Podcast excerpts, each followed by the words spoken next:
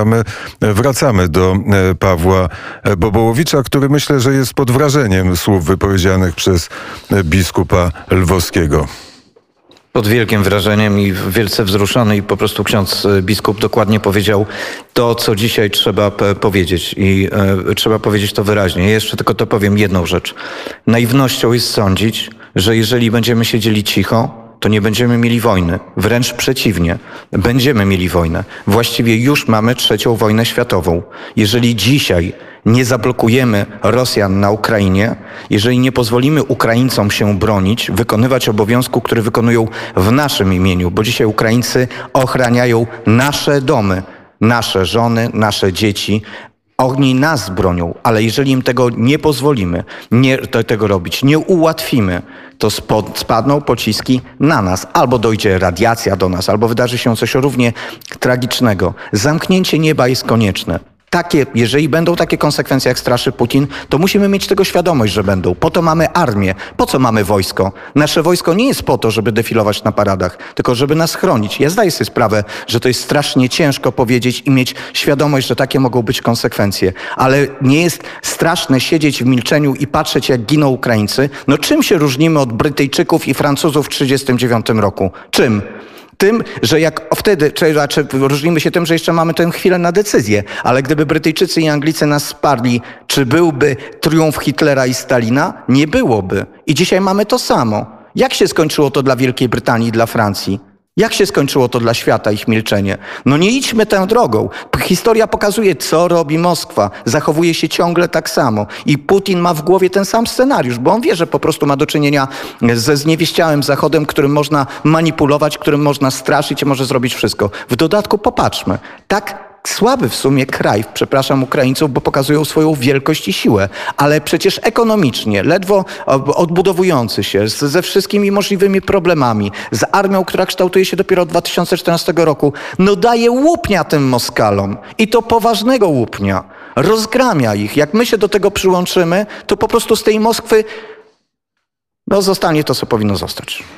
Paweł powiedział, że trwa trzecia wojna światowa i że e, trzeba wysyłać wojska. Ktoś teraz może siedzieć na kanapie i myśleć, no dobra, to niech wyślą.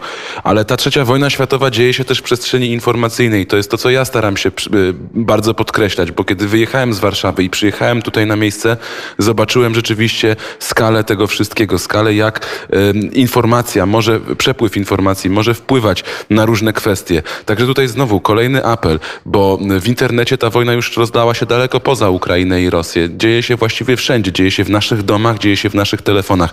Zwracajmy uwagę na to, co czytamy. Potwierdzajmy informacje, które dostajemy. Weryfikujmy osoby, które tych informacji dostarczają i e, pilnujmy tego, co my udostępniamy w przestrzeni internetowej. E, to wszystko jakoś tam na nas e, też wpływa. E, zastraszanie poprzez e, masę spływających do nas informacji to też jest element wojny. E, nie jedni, nie, wielu moich znajomych do mnie pisze, bardzo przerażonych sytuacją. Niektórzy już chcą gdzieś wyjeżdżać, ale to też jest e, wtedy zwycięstwo Putina, e, bo on chce nas wszystkich zastraszyć, on chce nas wszystkich podzielić, chce, żebyśmy uciekali w popłochu przed nim, a tak naprawdę powinniśmy się jemu powstawić każdy jak może i czy to w przestrzeni wirtualnej, czy to w przestrzeni rzeczywistej, no, e, powinniśmy, powinniśmy działać i nie dać się zastraszyć. Jeszcze nie ma wojsk Putina u nas w kraju, ale mogą zaraz być, więc więc pamiętajmy o tym.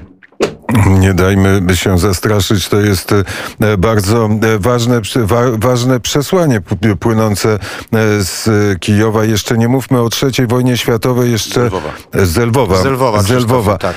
Nie mówmy o trzeciej wojnie światowej, a, a jeszcze jedna informacja. Nie wiem, czy Paweł masz informację o tym, że zawieszenie broni ma też dotyczyć Kijowa. Taka informacja płynie ze skażonego źródła na razie, czyli z ze strony, ze strony e, rosyjskiej w metrze kijowskim. Ja nie wiem, czy to jest pora na rozmawianie o, me, o metrze e, kijowskim, czy nie bardziej jest to pora na to, żebyście powiedzieli, co dzisiaj, e, jakie są plany Pawła Bobołowicza i Jana Oleńskiego. Tak, opowiemy oczywiście o tych e, planach. E, Już e, mamy część grupy, którą mamy przewieźć prze, przez granicę. To są osoby, które przyjechały z różnych części. Będziemy przewozić dzisiaj panią, która jest podwójnym uchodźcą, bo w 2015 roku uciekała z Debalcewa, które wtedy zajęli Moskale, którzy ukrywali się pod nazwą tak zwanych separatystów.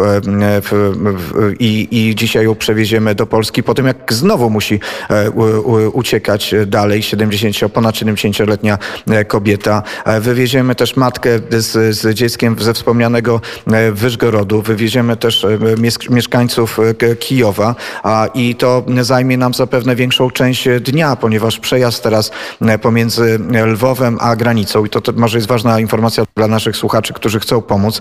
To nie jest tak jak kiedyś, że się przejeżdżało tam w 50 minut, a może nawet szybciej, ktoś miał e, taką możliwość, tylko to jest po prostu przejazd przez ogromną liczbę e, blokpostów, tych posterunków, sprawdzanie, kontrolę i to nie jest łatwy e, proces, a później jest wielka kolejka. W związku z tym to jest coś, co zajmie nam pewnie dzisiejszy cały dzień. W tym czasie też będziemy śledzili informacje, które do nas napływają. No wczoraj Janek w- widział, jak, jaki jest rezultat e, ośmiu lat pracy polskiego korespondenta e, na Ukrainie. Mój telefon po prostu wyczerpuje się po pół godzinie, bo dzwoni e, mnóstwo ludzi, wysyła wiadomości. To są różne rzeczy. To są informacje mm, na temat tego, co się dzieje na, na, na, na froncie, e, co się dzieje w tych miastach. To są informacje e, od przyjaciół. To są pytania, co się dzieje u nas i o nasze zdrowie. To są prośby e, i to jest po prostu e, olbrzymia rzecz, którą też będziemy dzisiaj e, w drodze realizować. Cały czas przecież współdziałamy z naszą e, wspaniałą grupą, która redakcji podjęła się e, pomocy. Przypomnijmy,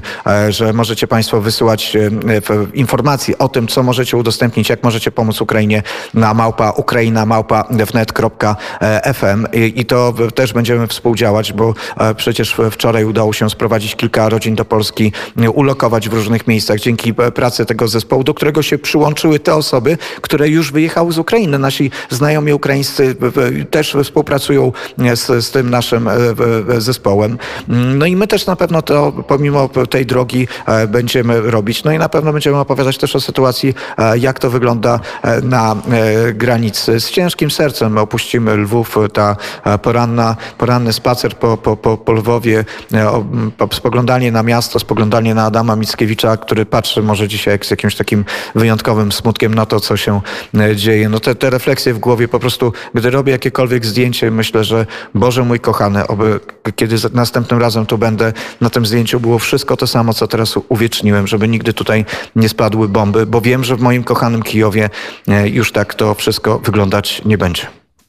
Ja też się o to modlę, bo nie byłem jeszcze nigdy w Lwowie i tutaj przyjechawszy, no nie ma czasu na zwiedzanie, na turystykę, ale marzę o tym, żeby powrócić tutaj w czasie pokoju, żeby, żeby do, niczego, e, do niczego złego nie doszło. Ja jeszcze dodam e, adres ukraina.małpawnet.fm. Tam wysyłajcie, jak możecie pomóc, ale jeżeli e, zamierzacie wyjechać do Ukrainy i tutaj przewozić dary na miejscu, także skorzystajcie z tego maila ukraina.małpawnet.fm. My pomożemy skoordynować was, skontaktować was z osobami wiarygodnymi, które tutaj e, wszelkie dary przejmą i zadbają o to, żeby dotarły one bezpośrednio do ludzi, których najbardziej, którzy najbardziej ich potrzebują. E, wiem, że e, myślicie o tym, co kupować, myślicie o tym, jak jedzenie, oczywiście, długotrwała ważność, ale tabletki do odkażania wody, bo tej wody zaczyna brakować, tak jak w Mariupolu.